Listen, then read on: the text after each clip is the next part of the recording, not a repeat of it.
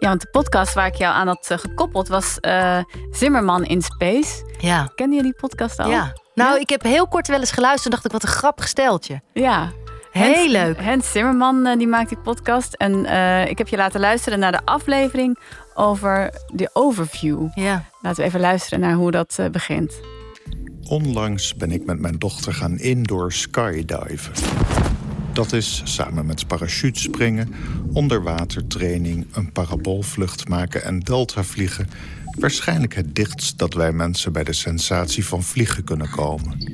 Ik weet natuurlijk niet hoe het met u zit, maar ik droomde er als kind van astronaut te worden. Een droom die maar voor weinigen is weggelegd, zo blijkt. Er zijn in de complete wereldgeschiedenis maar twee Nederlanders astronaut geworden. André Kuipers en Wubbo Okkels. Uh... Inderdaad, Lodewijk van den Berg hoort misschien ook in dit lijstje thuis. Maar hij is het onderwerp voor een toekomstige column van Zimmerman in Space. Net als veel andere astronauten die het voorrecht hadden onze aarde tijdelijk te verlaten, rapporteerden zowel Wubbo als André een bijzondere cognitieve verandering bij het oog in oog komen te staan met onze fragiele aarde.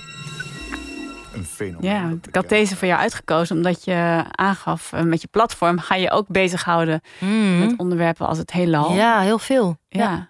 Dus ja, wat vond je hiervan? Ja, ik vond het waanzinnig tof.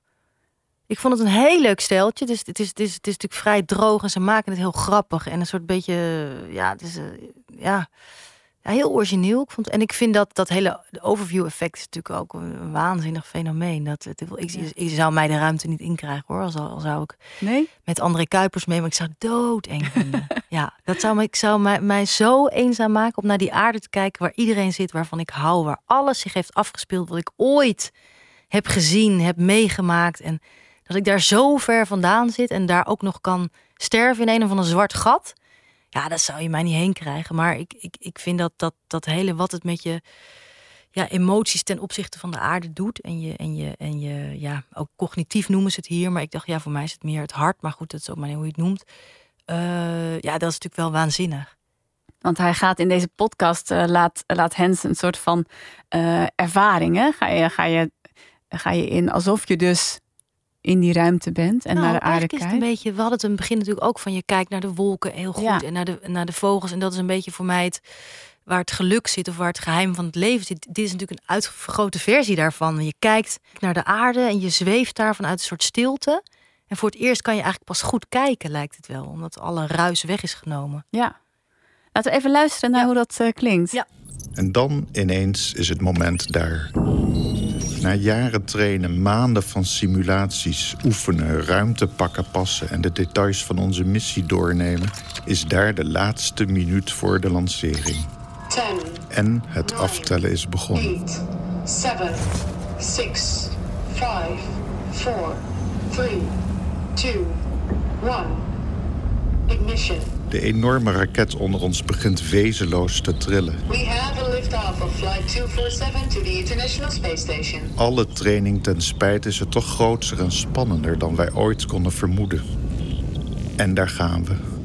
We voelen ons zwaar, veel zwaarder dan die Indische rijsttafel twee weken geleden, als de raket steeds verder versnelt. Een enorme knal separeert onze capsule van het laatste deel van de raket en daarmee worden we weggestuwd, verder richting het vacuüm van de ruimte om onze aarde. Het is gelukkig ook iets stiller geworden. Nu en dan klinkt nog een mededeling vanuit het commandocentrum op aarde. Guidance is internal. Ja, was je Ja. daar voor je gevoel? Ehm, ja, eigenlijk wel. Ja, ik Ja. had het ook. Ja. Ook een beetje treurig. Ook een ja, dat je toch wel denkt van, want hij, hij zegt dan daarna natuurlijk van, we maken het met z'n allen gewoon kapot. We zijn de aarde aan het uitputten en we gaan maar door. En je kunt het in je eentje natuurlijk niet stoppen. En, daar, en dan zit je eigenlijk in zo'n, hij doet het eigenlijk met een meditatie. Toen dacht ik wel, ja, dat is ook wel treurig eigenlijk. Ja, dat, is, ja, dat weten we natuurlijk al, maar als je het meer voelt, is het toch anders weer. Ja. Is het een podcast die je vaker zou willen luisteren? Eh, ja. ja, ik vind het heel mooi.